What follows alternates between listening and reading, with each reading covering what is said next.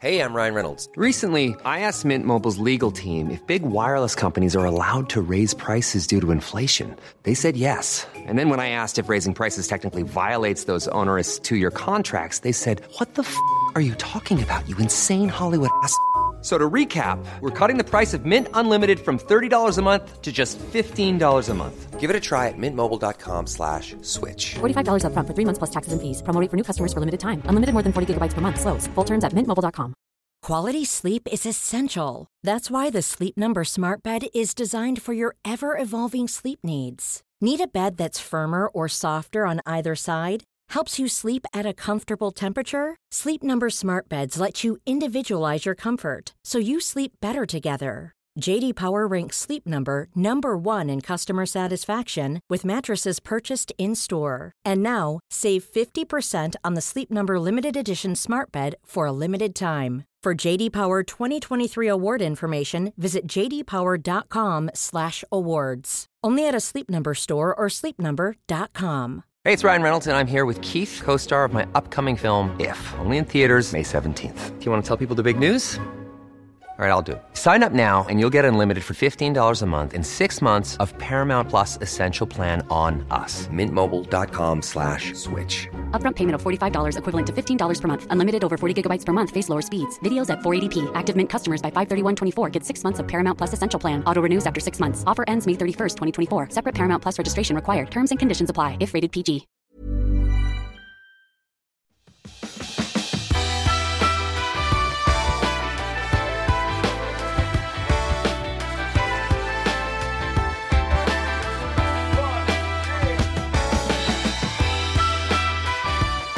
Hej och varmt välkommen till Klimakteriepodden med mig, Åsa Melin. Tusen tack för alla fina meddelanden och hälsningar under sommaren. Det är så kul med er entusiasm och det ger otroligt mycket energi och faktiskt glädje nu att fortsätta jobba med Klimakteriepodden. Och jag har en hel rad spännande avsnitt planerade, så att eh, håll utkik. Och sen så är jag så glad för att det har kommit till lite nya lyssnare och ni är såklart hjärtligt varmt välkomna. Och missa inte att det finns en hemsida som heter klimakteriepodden.se där du också kan läsa mer om tidigare avsnitt och det kan vara lättare att kanske söka fram än i poddapparna just det som du kan vara intresserad av att lyssna på. Eh, ja, och sen så var jag bara helt tvungen att ge er det här hybridavsnittet som kommer nu. Det är en del som spelades in för ungefär fyra år sedan och då publicerades det som avsnitt 61 och det har jag delvis klippt ner och så är det en nyinspelad del. Det kan vara så otroligt stärkande att känna att det kommer en ny dag, nya känslor och att inget tillstånd är permanent. För hösten 2018 så fick jag kontakt med Helene Högsten från Borås och då arbetade hon med en temadag som hette Hållbara kvinnor. Och Helene kände ett enormt behov av att berätta sin klimakteriehistoria. Och så träffades vi och avsnittet kom till. Och då var Helene 56. Hennes eh, berättelse är otroligt intressant för den innehåller så många aspekter och lager av vad man kan drabbas av och vara med om. Och med den här nyinspelade biten på slutet så blir det extra intressant. Det är verkligen kul att höra vilka vändningar livet kan ta på bara fyra år. Och jag vill också passa på att lägga till med anledning av vad som sägs i avsnittet här att den som tidigare haft blodpropp oftast faktiskt kan ta östrogentillskott men att det då rekommenderas att tas genom huden i form av gel, spray eller plåster. Och om du har funderingar, diskutera det här med en kunnig läkare. Men nu lyssnar vi på mina intervjuer med Helen och nästa vecka så kommer det handla om matbalans. Så välkommen att hänga med!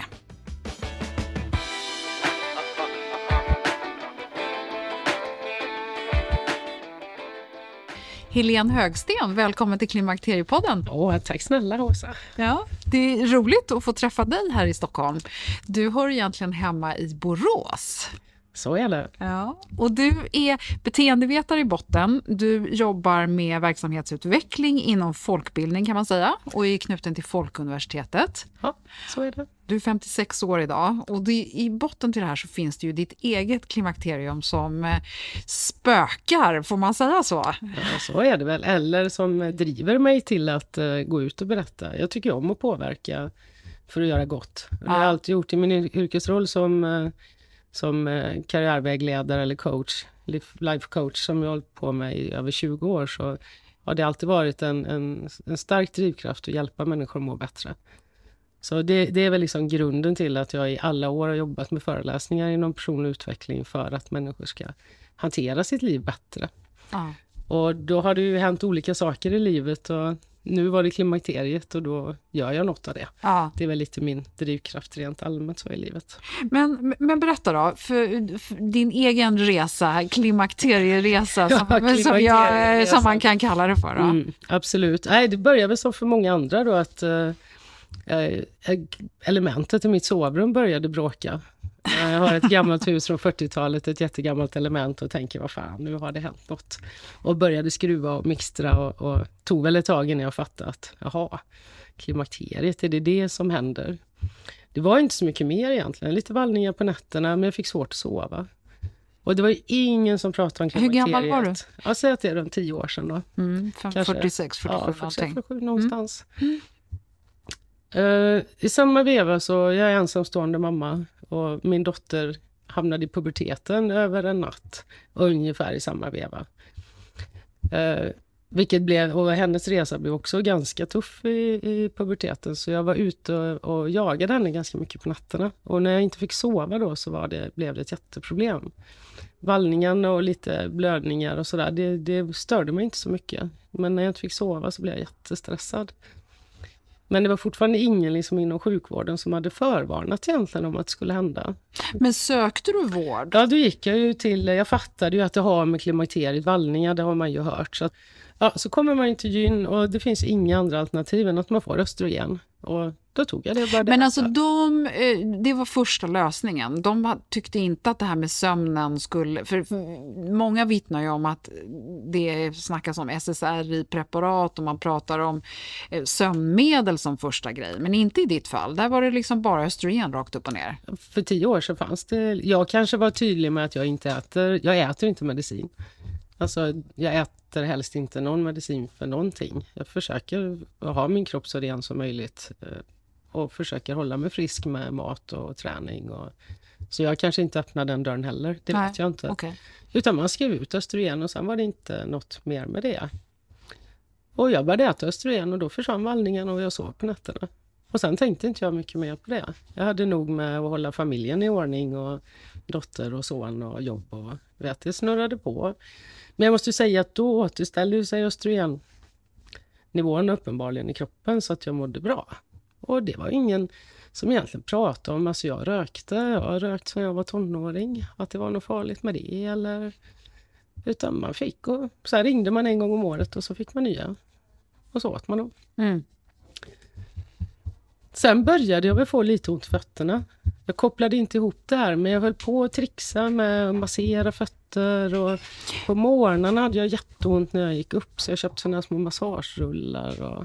Men jag kopplade inte egentligen ihop. Och hur, hur många år har det gått nu? Det kan det ha gått fem år, ja. kanske? Ja. Fyra år, ja. något sånt. Ja. Sen, åker vi, sen åker vi på semester till eh, Bali och redan när jag går på planet från, eh, från Landvetter till Finland så känner jag att jag har ruskigt ont i benen. Men fortfarande inga stödstrumpor. Nej, korkad, jag tänkte mig inte för. Så vi flyger över, nästan framme vid Bali så känner jag att det drar till i benet. Men jag tänker inte på det då heller. Att det skulle ha med någonting att göra att jag var äldre kanske inte vill vara äldre. Jag vet mm. inte. Mm. Väl framme på Bali så visar det sig att jag har fått en propp i benet. Mm. Uh, så jag slänger cigaretterna, jag slänger östrogenet och jag slutar dricka alkohol på en gång. Mm. Min son som är med blir lite stressad och säger att nu kommer du bli jättekonstig. Men det blev jag inte. Alltså det, var, funkar ganska bra. Och så kommer vi hem och så eh, går jag till sjukhuset och det blir en massa prover. Man, man ska hålla varannivåer och blodvärden och, så det inte ska bli mer proppar och de håller ganska bra koll. Och när jag kommer upp där på gyn så säger de att du kan få akupunktur mot eh, vallningar. Det är det enda... För då hade dina klimakteriebesvär kommit tillbaka? Lite grann. Alltså jag fick lite småvallningar men... Och den här men... ont i fötterna, det är borta nu? Nu är det så mycket annat, för nu är det en propp och jag är rädd att dö. Alltså hade, hade, nu var inte proppen så allvarlig, så att jag var inte helt säker på att det var en propp. Men efter tre dagar gick jag till läkaren. Jag trodde jag hade sträckt benet, men, men jag kände att jag fick ondare och ondare i benet. Och när jag går till läkaren så säger han att det är en propp. Hade jag varit så envis som jag brukar vara så hade jag nog flugit hem med proppen där. Och då hade jag inte suttit här idag. Mm. Då hade mina barn inte haft någon mamma. Mm. Och det var inte en speciellt bra känsla som jag helst inte vill känna. Och jag vill inte ens tänka den tanken, men så är det ju. Att det var risk för livet faktiskt. Jag hade väl kanske tur som är i god form, så jag tränar en fyra, fem dagar i veckan. Jag är noga med vad jag äter. Jag är noga med att försöka hålla mig så frisk som möjligt. Det kanske hjälpte, jag vet inte. Ehm, det var på gränsen vi fick åka hem eftersom blodet inte blev tillräckligt tunt. Så det var också en ganska stor cirkus när de ringer på morgonen och säger att ni åker i, till lunch. Och läkarna på Bali säger att nej, du bör inte åka, då dör du. Men SOS Köpenhamn säger åk. Mm. Så vi fick bara slänga ner grejerna, åka vägen och sjukhuset. Där jag fick sprutor med mig som jag varje mellanlandning tryckte in i magen och sprutade in blodförtunnande så jag inte skulle få en ny propp på vägen hem. Mm. Så det var ju allvarligt. Det har jag inte riktigt tänkt på sedan dess. Så. Mm. Och sen är du hemma i Sverige och läkarna sätter igång och, och utreder dig. Uh, ja, de är inte så mycket utredningar egentligen. Nej, men vi var där, där vallningarna hade kommit tillbaka. Vallningarna hade kommit tillbaka och då säger de på gyn att uh, du kan få akupunktur för uh, det har man vetenskapligt bevisat att akupunktur kan man ge mot vallningar eller mot smärta. Det är det enda man ger inom den traditionella sjukvården i Sverige. Och jag tänkte det, jag gillar alternativmedicin och tänkte det är väl bra. Akupunktur är bra. Det var en sjukgymnast som gav akupunkturen och inte en akupunktör kan ju ha en viss betydelse. Jag vet inte. Jag gick i alla fall dit, eh, promenerade, det, det tar mig ungefär 30-40 minuter, så jag gick ofta på morgnarna, rask takt, tänkte vad bra, får jag lite kondition samtidigt. Fick akupunktur och så gick jag hem och så åkte jag och jobbade. Och efter en tre, fyra gånger så började det göra ont när hon satte nålarna. Och det började göra ont i fötterna. Så jag sa till henne, är det något konstigt, ska det verkligen göra ont? Och hon bara, det vet jag inte. Hon hade ju sina nålar som Ja, hon hade ju gått en akupunkturkurs inom ramen som hennes vårdutbildning. Som kanske inte var så djupgående. Men efter en fem, sex gånger så gjorde det jätteont så att jag valde att avbryta och sa att jag vill inte komma mer. Och då smällde det till i kroppen. Och jag fick så ont överallt. Så det började i fötterna, tårna, bristerna, knäna, axlarna, handleder, fingrar, armbågar, tänder. Alltså det gjorde så ont som om jag bara hade fått en reumatism eller någonting. Alltså led, lederna bara knakade ur. Och jag blev jätterädd. Eh, och samtidigt gick jag ju och mätte blodvärden och det var ju mycket, jag har inte varit så mycket på sjukhus eh, och aldrig så här mycket. Men det var värst under fötterna, alltså jag kunde inte riktigt stå. Jag kunde inte träna, jag kunde inte ens gå på yoga, jag kunde inte stå upp i köket och, och skala potatis utan att jag hade så ont så tårarna rann. Och jag försökte, vet, man försökte stretcha fötterna. Och sen ner till sjukhuset och, och de sa att nej, det, det är inget fel. De skickade på röntgen, nej det var inget fel.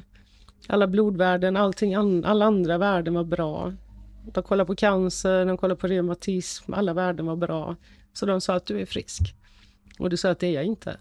Alltså det kan inte vara så att jag 50 år gammal inte kan gå. Någonting är galet i min kropp.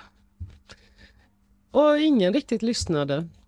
Kvinnlig läkare i 45-årsåldern och man träffar en patient som är en kvinna runt 50 som har ätit östrogen, rökt, fått en blodpropp. Kanske att man kunde dragit någon slutsats att det har med, med hormoner att göra. Men det gjorde det inte. Och jag är en, alltså jag är en ettrig människa när det gäller att komma, knäcka koder. Alltså det är lite mitt jobb också. Så att jag började och tänkte det här är ju helt galet, det är ju något fel. Alltså jag kan inte må så här. Och min stackars son igen då. Men det är väl han som säger, men morsan liksom har det inte med hormonerna att göra. Eller proppen eller något att göra att du mår så här. Och jag tittar på dem och säger, men det är klart att det har. Det är klart att det skulle kunna ha. Allting börjar med, med akupunkturen mot vallningar. Och på sjukhuset vill man inte riktigt lyssna, inte på vårdcentralen, inte uppe på gyn. Och hur det nu blir så eh, frågar jag väl alla människor jag möter, som jag brukar göra. Och någon säger, kolla på klimakteriekärringar på Facebook. Och då började jag nysta. Där fanns så mycket kompetens. Så mycket omtänksamhet mellan kvinnor, så mycket styrka oss emellan. Men framförallt oerhört mycket kompetens om vad som händer i kroppen. Så när jag lägger ut en, en fråga, är det någon mer än jag som har fått ont i fötterna och ont i lederna när ni har kommit till klimakteriet? Så bara smäller det till.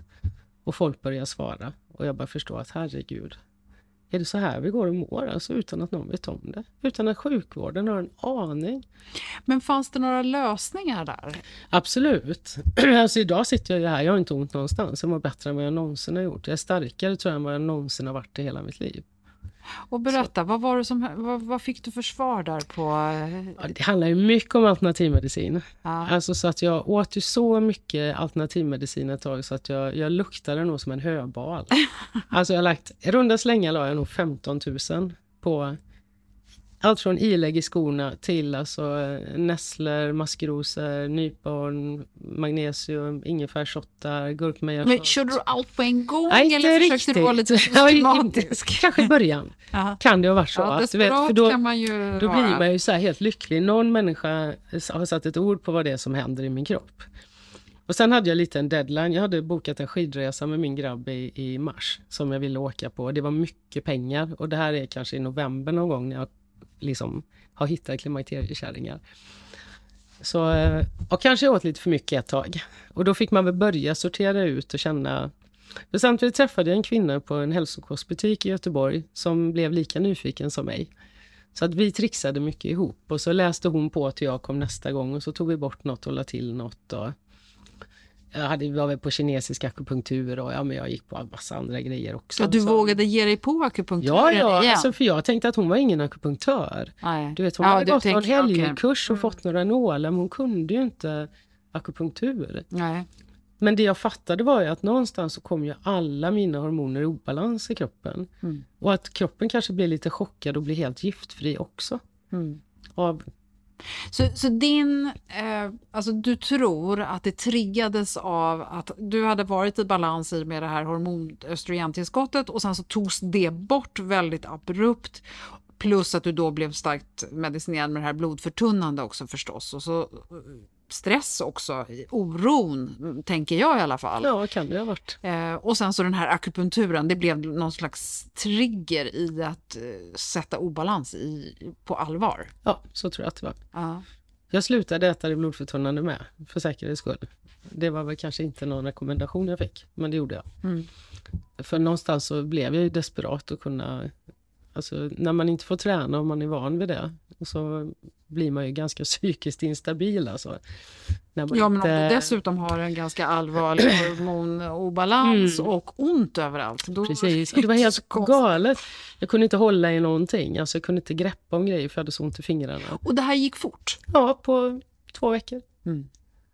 Och sen eskalerade det ju. Det började ju med fötterna och sen bara spred det sig upp. Mm. Och det sista var det som om jag bet på staniol hela tiden. Då hade jag ont i tänderna.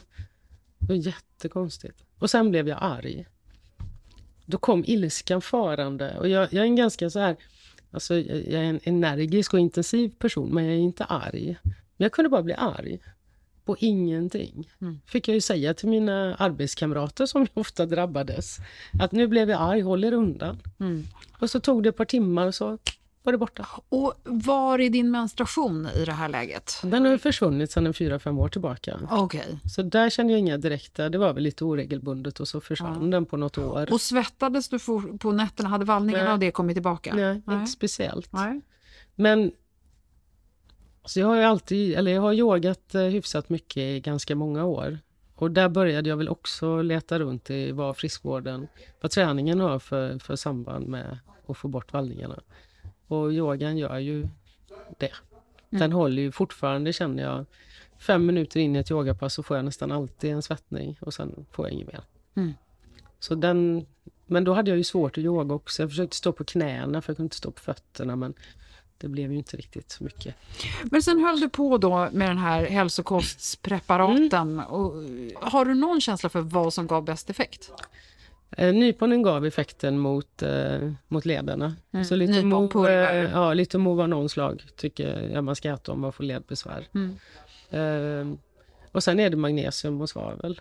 Mm. Magnesium så att det inte kittlar i fötterna när man går och lägger sig och som man sover på. Mm. Så magnesium innan man går och lägger sig. Och MSM, svavel äter jag fortfarande. Mm. Vad gör svavlet? Ja, det håller liksom kroppen i ordning. Mm. Det här är liksom som, det, man får nästan göra sin egen cocktail. Mm. Alla kom ut med massa goda råd och så fick man bara plocka och sortera. Mm. Så det slutade faktiskt med att jag satt med överläkaren på gyn och hon lärde sig saker i den gruppen klimakteriekärringar. Hon sa det här ingår inte i våran utbildning. Nej. Och det är helt galet. Men där fanns en ödmjukhet i alla fall så att vi satt väl och så prövar man och och, och var har du hamnat idag? Eh, det är egentligen bara det är svavel bara. Mm. Och så magnesium ibland om det bara kittlar i benen. Mm. Okay. Ibland kan det bara brumma i benen. Och då beror det på att jag har slarvat med maten. Ja. Så när du säger slarvat med maten, vad är slarv med maten för dig då? Ja, det, bara... det slutar, hela den här resan slutade ju med att jag kom ju iväg och åkte skidor. Och när jag tar på mig slalompjäxorna, så gör det inte ont. Och när det är kallt så gjorde det inte ont. Jag stod ofta ute på den vintern barfota. Så det var någon motsatseffekt i det här med att man ville ha det varmt eh, ofta när man har ont. Men nu var det skönt när det var kallt. Så, eh, och då har jag gått upp i vikt förstås. Jag är lätt för att gå upp i vikt och får man inte träna. Så, så när jag kommer hem så ringer jag en kompis som är personlig tränare. Och så säger jag, nu får det vara nog. Jag kan inte bli tjockare. Vi gör något åt det.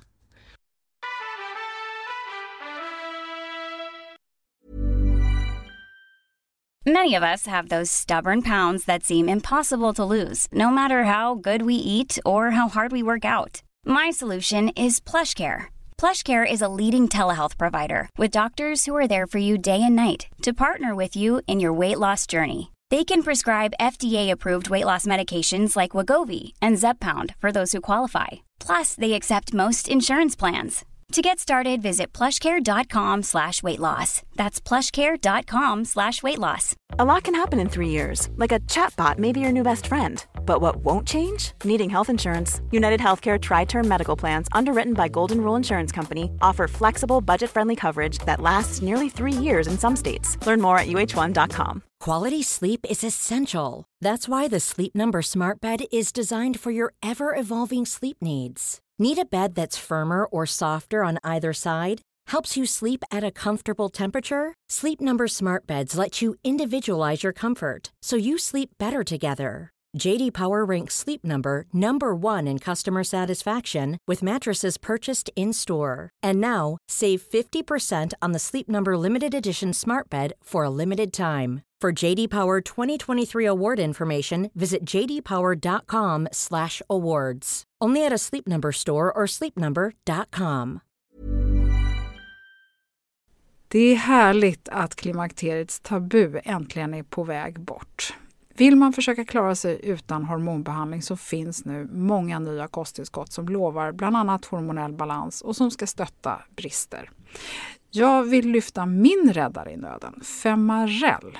Det har inte bara varit min utan många andra kvinnors räddning i över 20 år. Och med lång tid på marknaden, med nöjda användare, dessutom med 20 forskningsstudier så vågar jag säga att det kan vara en god idé att prova femarell. Femarel finns på apoteken och i hälsokostbutiker. Tack Femarel som varit min samarbetspartner i många år.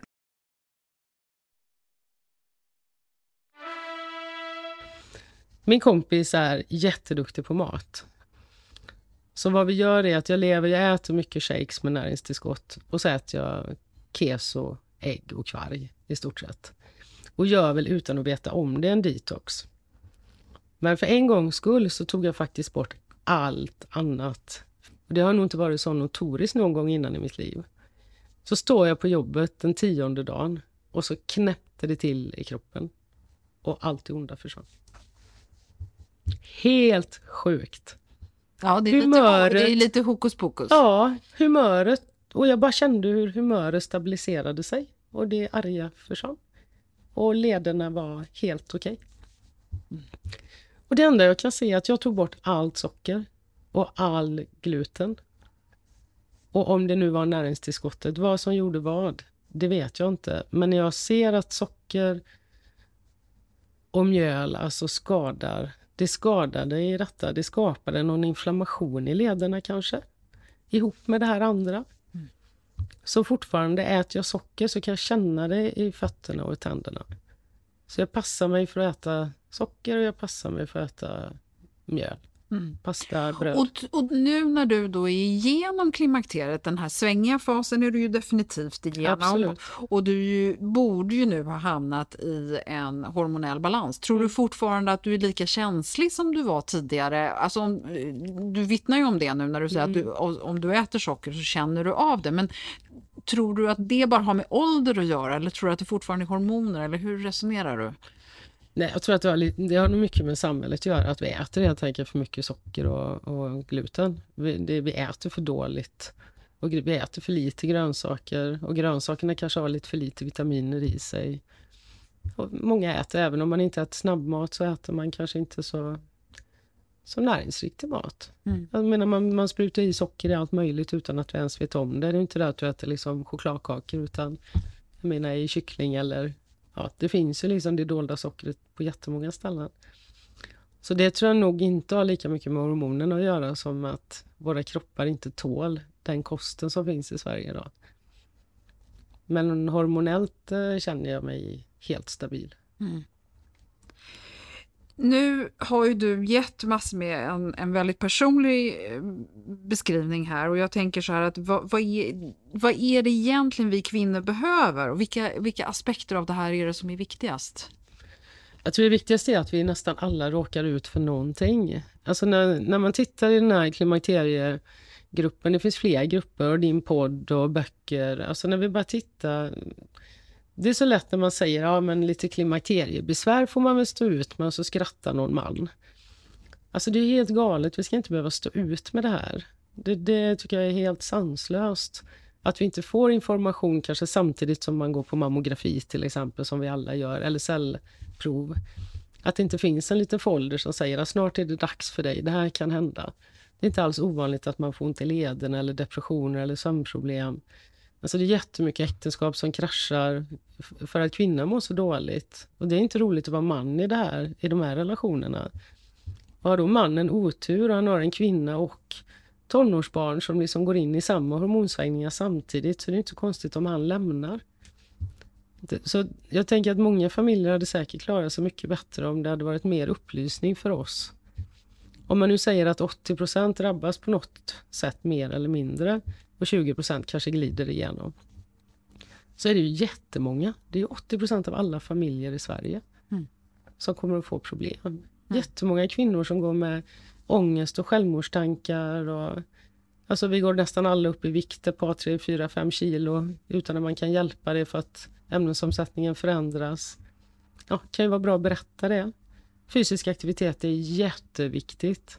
Helt säker på att det är en av mina eh, framgångsfaktorer att jag mår bra, att jag tränar. Mm. Och att både att man blir glad, men det är ju be- bevisat både mot psykisk ohälsa och cancer och Mm. hormoner, att det påverkar hjärnan, alltså serotoninnivåer och ja, hormon, helt enkelt. Mm. Jag är lite nyfiken på om du hade kommit till klimakteriet idag, hur tror du att det hade varit annorlunda om du hade haft all kunskap? Hur hade du agerat? Jag hade ju säkert läst mer. Eh, och eftersom det just, men det är liksom i år det har börjat, eller det sista halvåret egentligen, som nu står på löpet. Och överallt och i tv och tidningar. Om tre år så kanske det är något annat som är modernt. Men tro, Så, tycker du att den information som kommer fram nu i, i media, tycker du att den är adekvat? Tycker du att det är korrekt och tycker du att man får den hjälp man behöver? Ja, då får jag väl sticka ut hakan och säga att inom den traditionella sjukvården, nej. Men inom alternativmedicin och eh, via, bland oss kvinnor emellan så finns det jättemycket kunskap att ta till. Mm. Men sjukvården vill ju fortfarande helst skriva ut östrogen. Eller ja, som en fast, läkare. eh, fast inte ens det. För det är ju, vi vet att ungefär 7-8 procent av alla kvinnor går på östrogen i Sverige. Så det är ju inte jättemånga som... Nu, nu är det säkert fler som blir rekommenderade det än som tar det. Eh, men, min känsla är ju att många får ju fel... De får inte ens rätt eh, Alltså när de kommer med sina symptom så får de inte ens rätt... Eh, alltså det klimakteriet funderar man inte ens på utan man får höra att man är deprimerad eller Mm. att man är någonting annat. Det är lättare för en, det? är lättare för en läkare att skriva ut antidepressiva än att bara rota i det här, vad det är egentligen. Och det verkar inte som inom, inom traditionell sjukvård att man gör kontroller. Nej, Alltså att man mäter om man är i klimakteriet eller inte. nej. Så det verkar inte ha hänt så mycket. Och vad jag förstår, jag har försökt mejla Sahlgrenska och bjudit in dem till dagen, deras läkarstudenter, men där har jag inte fått något svar. Ja, du tänker på din klimakteriedag. Till det varit exempel då. spännande Ja. att höra om... eh, Ja.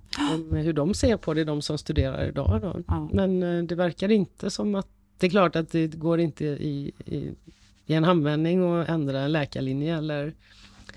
Men det verkar som lite barnmorskor kanske kan lite. Har man tur träffar man kanske någon som kan. När man lyssnar på dig här så låter det ju som att du, du förespråkar att man ska undvika hormoner till varje pris. Ja, det tycker jag faktiskt absolut inte. Utan är det så att man mår så dåligt så att man behöver östrogen, då ska man äta det. Det, det är min bestämda åsikt. Precis som med, om man har en depression och den är så allvarlig att man inte kan lösa den med friskvård och, och alternativmedicin så ska man äta antidepressiva. Alltså läkemedel finns för att hjälpa oss. Och jag tror jag inte hade överlevt de här åren om jag inte hade ätit östrogen, för jag hade inte orkat göra den här undersökningen själv. Jag hade nog med att hålla min dotter i ordning och min son och hus och jobb. Och, så då var det alltså, avgörande för att jag skulle stå pall och äta östrogen. Att, eh, bara slutligen, jag tycker att det är spännande eh, eftersom du är beteendevetare. Hur, hur kan du applicera din liksom, basutbildning på det här ämnet? Ja, det var en svår fråga. Alltså, för det verkar ju som vi alla beter oss olika. Precis som allt annat. Eh, alltså egenskaper eller behov eller motiv eller vad man nu, alltså hur vi nu är som människor så är ju kropparna också sammansatta på så olika sätt. Så det verkar, och det kanske är det som gör det hela så komplext, att det är inte bara ett piller och så går det bra. Nej. Och det har varit en tuff resa. Alltså det har ju inte gjort sig själv, det kan jag säga. Både att det har kostat mycket pengar, men framförallt att jag har lagt ner oerhört många timmar på att läsa och luska och böcker och studera och sökt på internet. Det är ju inte bara i den Facebookgruppen jag har läst medicinska rapporter och, och nu kommer ju många vänner till mig och så säger de, ah, vad ska man göra? Och det finns alltså, det finns tre enkla knep. Ta bort gluten, ta bort socker, ta bort alkohol och börja träna. Och då säger nästan alla, men då har jag inget liv kvar. Nej, och då får man välja. Mm. Alltså då får man välja om man vill ha ett liv utan bullar och rödvin och, och chokladkakor. Och om man vill gå till gymmet tre, kanske tre, fyra dagar i veckan i alla fall. Så att man får lite svettpåslag. Eller yoga. Det är ju lite självgenererande tänker jag. För desto mer rödvin och bullar man får i sig under en vecka, desto sämre mår man. Och då får man ju de här besvären som ett brev på posten. Och desto mindre man har och desto bättre man mår, desto mindre sugen är man ju faktiskt Precis. på bullar och så, rödvin. Det är ju så. Och det kanske är ett par år i livet som vi behöver alltså, bli lite renlevnadsmänniskor. Mm. Men jag dricker ju rödvin idag, men kanske inte alls i den mängden. Och har jag ont så gör jag inte det. Nej. Alltså att man får vara lite vaksam och lyssna på sin kropp. Mm. Och det kanske om man ska relatera det till beteendevetenskapen så vill vi väl gärna ha en quick fix i Sverige. Mm. Få en, ett piller och så har det gått Såklart. över. Ja, Och så kan man fortsätta som ingenting har hänt. precis. Ja. Och det funkar inte riktigt på våra kroppar. Nej. Jag tycker det var ett bra avslut, Helene. Eh, är det någonting vi har missat som du vill skicka ut där när du har chansen?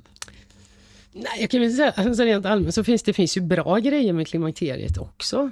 Alltså det finns ju fördelar, man känner sig betydligt eh, stabilare och gladare som, som människa. Alltså när man har kommit ur på den här sidan.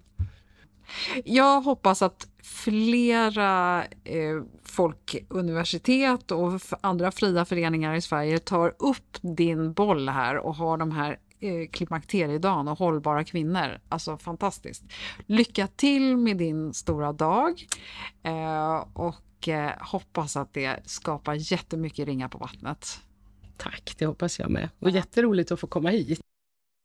Men då Helene, nu sitter vi här igen och fyra år har gått. Varmt välkommen tillbaka till Klimakteriepodden. Ja, tack snälla. Ja, men alltså det här är ju väldigt spännande tycker jag. Jag eh, lyssnade på avsnittet här för ett tag sedan och eh, alltså jag fick så mycket känslor i kroppen och jag kunde liksom inte bara låta bli och tänka att nej, men jag måste prata med Helene. Och eh, då gjorde jag det och så har du lyssnat på avsnittet igen och så bestämde vi att vi skulle göra den här lilla uppföljningen. Hur känns det för dig att lyssna på det här avsnittet nästan fyra år efter inspelningen? Ja, det är ju tur att man glömmer hur bedrövligt det kan vara genom livet. Det är väl så det ska vara kanske, men eh, alltså, det är knappt man kommer ihåg hur ont jag hade och hur nära det var att det gick riktigt illa där på Bali med proppen i benet. Och rent så spontant så blir man ju lite konfundersam. Men det är väl också det som gör att, att, att man är varsam om livet och ser till att leva livet så mycket det går. Men du Helene, hur, nu när dina känslor och insatser och slutsatser och det du gjorde då, hur, när du liksom lyssnar på det här nu, vad, vad hade du gjort annorlunda? Jag tror inte jag hade kunnat göra någonting annorlunda. Den, eh, du fanns ju inte, Klimakteriepodden fanns inte, informationen som jag sökte hittade jag ju under vägen. Så det är klart att jag borde ha slutat röka tidigare och inte ätit östrogen. Och det, det vet man ju nu, men det visste jag inte då. Men den här slutsatsen med att du borde ha slutat äta östrogen, hur skulle du kunna hitta på den och varför skulle du gjort det? Nej, men um, det kunde man väl förstått att östrogen och rökning inte är så bra ihop. Men när inga läkare säger något utan de bara skickar recept på recept så tänker man väl inte på att det fanns ett samband där. Att, att, att det var så farligt som det var, alltså att jag hade ont i fötterna. Men det var ju så många, det var så mycket som hände där. Kvin, många kvinnor som hade ont i fötterna och köpte ilägg utan att någon sa att det kunde ha med hormoner att göra. Och det, det hoppas man väl att, att det finns mer svar idag, att de är, eller att de är, och att de är lättillgängliga då, vad, vad som kan hända i kroppen när vi kan, hamnar i klimakteriet. Men du Helene, hur, eh, nu när du ändå liksom reflekterar tillbaka, vad, vad känner du är... Jag menar, man kan ju inte låta bli att tycka synd om den här kvinnan om man lyssnar på henne. Och när du och jag har pratat nu inför den här uppföljningen så är det ju allt annat än synd om dig upplever jag i alla fall. Du har ju verkligen kommit eh, långt på de här fyra åren. Ja, det har jag nog aldrig tänkt att det skulle vara synd om mig. Jag lever ju bara här och nu och så försöker jag lösa de situationer som uppstår. Det var nog mest synd om min son som fick drabbas av både mig och min dotter tror jag det kan jag tycka att han fick väldigt mycket med två hysteriska kvinnor, i, en i klimakteriet och en i tonåren. Alltså det kan inte ha varit lätt för honom. Det hade man önskat kunde gjort annorlunda, kanske. Men, eh, nej, men idag mår jag ju bra, jättebra. Ja, och hur kommer det sig att du mår så bra då? ja, men man måste äta rätt och man måste hålla efter sig. Man måste yoga, man kan inte dricka massa alkohol och äta socker och då får man ont i lederna och hormonerna spökar. Det är jag helt säker på. Så man får sköta sig lite bättre. Ja, och, och vad är dina största förändringar om du tittar på livsstilen? Ja, yoga, yoga och rökning är ju, är ju liksom, det var ju fördärv, men det vet vi ju. Alla människor vet ju att det inte är bra. Sen gör vi ju inte alltid det som är bra. Jag är mycket mer restriktiv med socker. Känner direkt om jag äter för mycket socker att det känns i lederna, i fingrarna direkt fötterna. Och sen har jag svängt om och jobbat mycket mer med träning och hälsa än vad jag gjorde innan. Så jag blev yogainstruktör där på kuppen. Det var inte planen. Men många bad mig och till slut så tänkte jag att ja, ja, jag får väl göra det då. Och så blev det faktiskt jättebra, så nu undervisar jag kanske 6-7 pass i veckan och ser hur gott det gör alla andra. Och det är ju en stor skillnad. Så här, jag har fortsatt, jag försöker äta bra. Jag klev faktiskt av mitt jobb och började jobba lite mindre. Gick ner till 75 procent och så jobbar resten med bara saker jag tycker är roligt. Det bestämde jag också. Jag ska bara jobba med saker som är roligt. Och det tänker jag att man kan. Det är inte sagt att man tjänar så mycket pengar men man kan må väl i det att inte slita de här 40-50 timmar i veckan och alltid vara trött utan jag har haft lediga torsdagar och det har varit fantastiskt. Det är som det är helg på onsdag och sen är det helg på fredag. Så gör jag massa roliga saker på torsdagar. Eller jag undervisar mycket yoga och dans också. Och så är det fredag och sen är det helg igen. Mm. Mm. Så mycket sådär att ta tillvara på livet har det varit. Och, och de fysiska krämporna som de bara försvann? Eller vad ja, hände? det gjorde de faktiskt.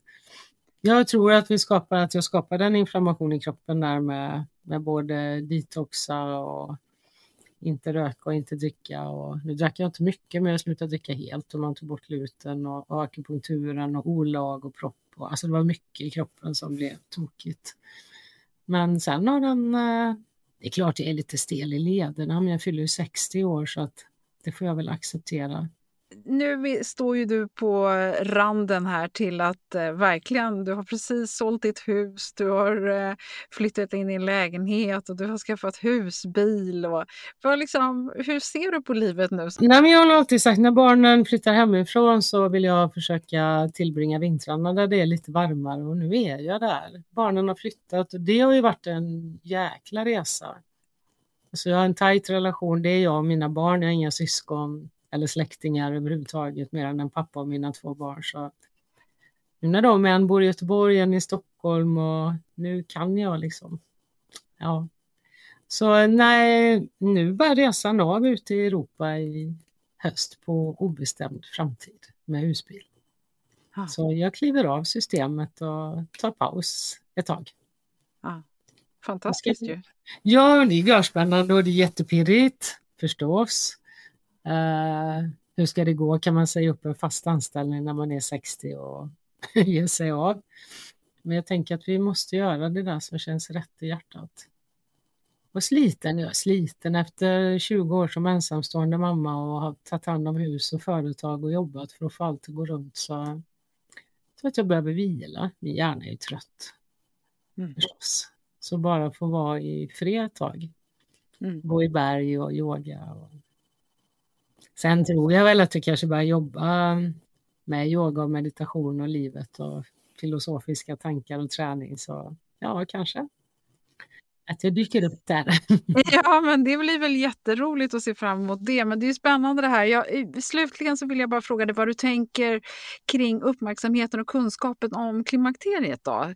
Nu när det inte känns riktigt lika aktuellt för dig, är du fortfarande engagerad i det och hur tycker du att det skiljer sig nu mot de liksom, fyra åren, fem åren som har gått här nu?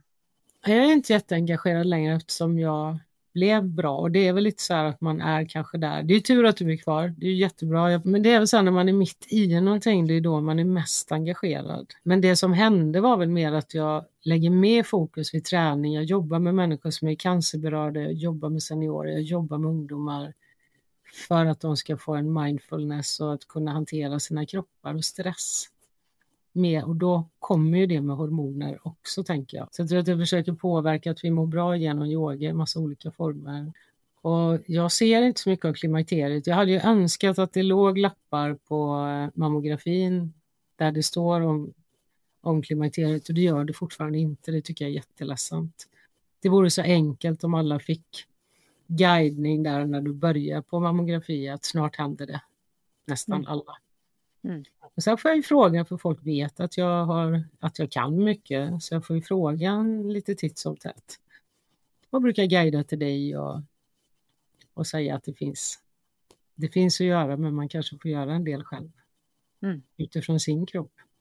Ja, nej, men det, det är ju intressant det där tycker jag, att man till syvende och sist, och jag vet inte, när, när man står där i stormen så är det så svårt att reda ut vad som är vad och man är så desperat behov av hjälp där och då. Och sen så, så fort man har lite perspektiv så blir det lite lugnare och då har man också tålamod att liksom prova olika saker och vara lite Mm. mer systematisk och börja kika lite grann inåt, även om det kan vara ganska jobbigt.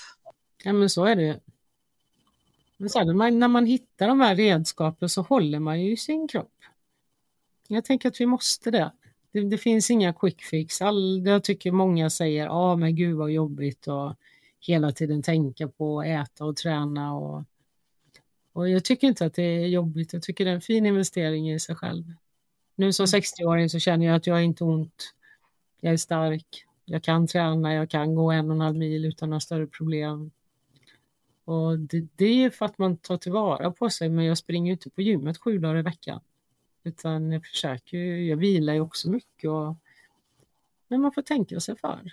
Om man känner att man vill hålla sig så frisk man kan. Ja, underbart. Ja, men tusen tack Helene. Jag tycker att det är spännande och jag tycker eh, och jag vet att många som lyssnar på det här också tycker att det är värdefullt att höra för det är så många som säger men hur kom, vad händer sen och hur kommer man på rätt köl och så vidare. Och kanske så är det tålamod som är en stor viktig ingrediens i det. Ja, tålamod och nyfikenhet tror jag. Att lyssna och pröva och, och lägga. Det, det går inte att gå till traditionell sjukvård och tro att de löser allting. Det är jag helt säker på. Inte, inte för oss kvinnor. Mm. Så de här enkla vägarna att bara gå och tro. Det tycker jag är många som man vill bara gå och få det fixat. Mm.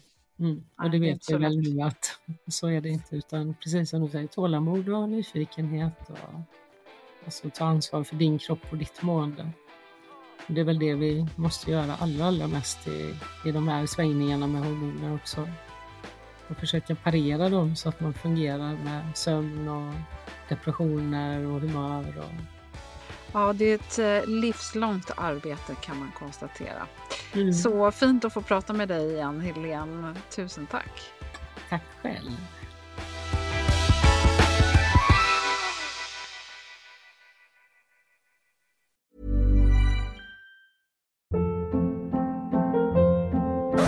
Hold up. What was that? Boring. No flavor. That was as bad as those leftovers you ate all week. Kiki Palmer here, and it's time to say hello to something fresh and guilt-free. Hello Fresh. Jazz up dinner with pecan-crusted chicken or garlic butter shrimp scampi. Now that's music to my mouth. Hello Fresh. Let's get this dinner party started. Discover all the delicious possibilities at hellofresh.com.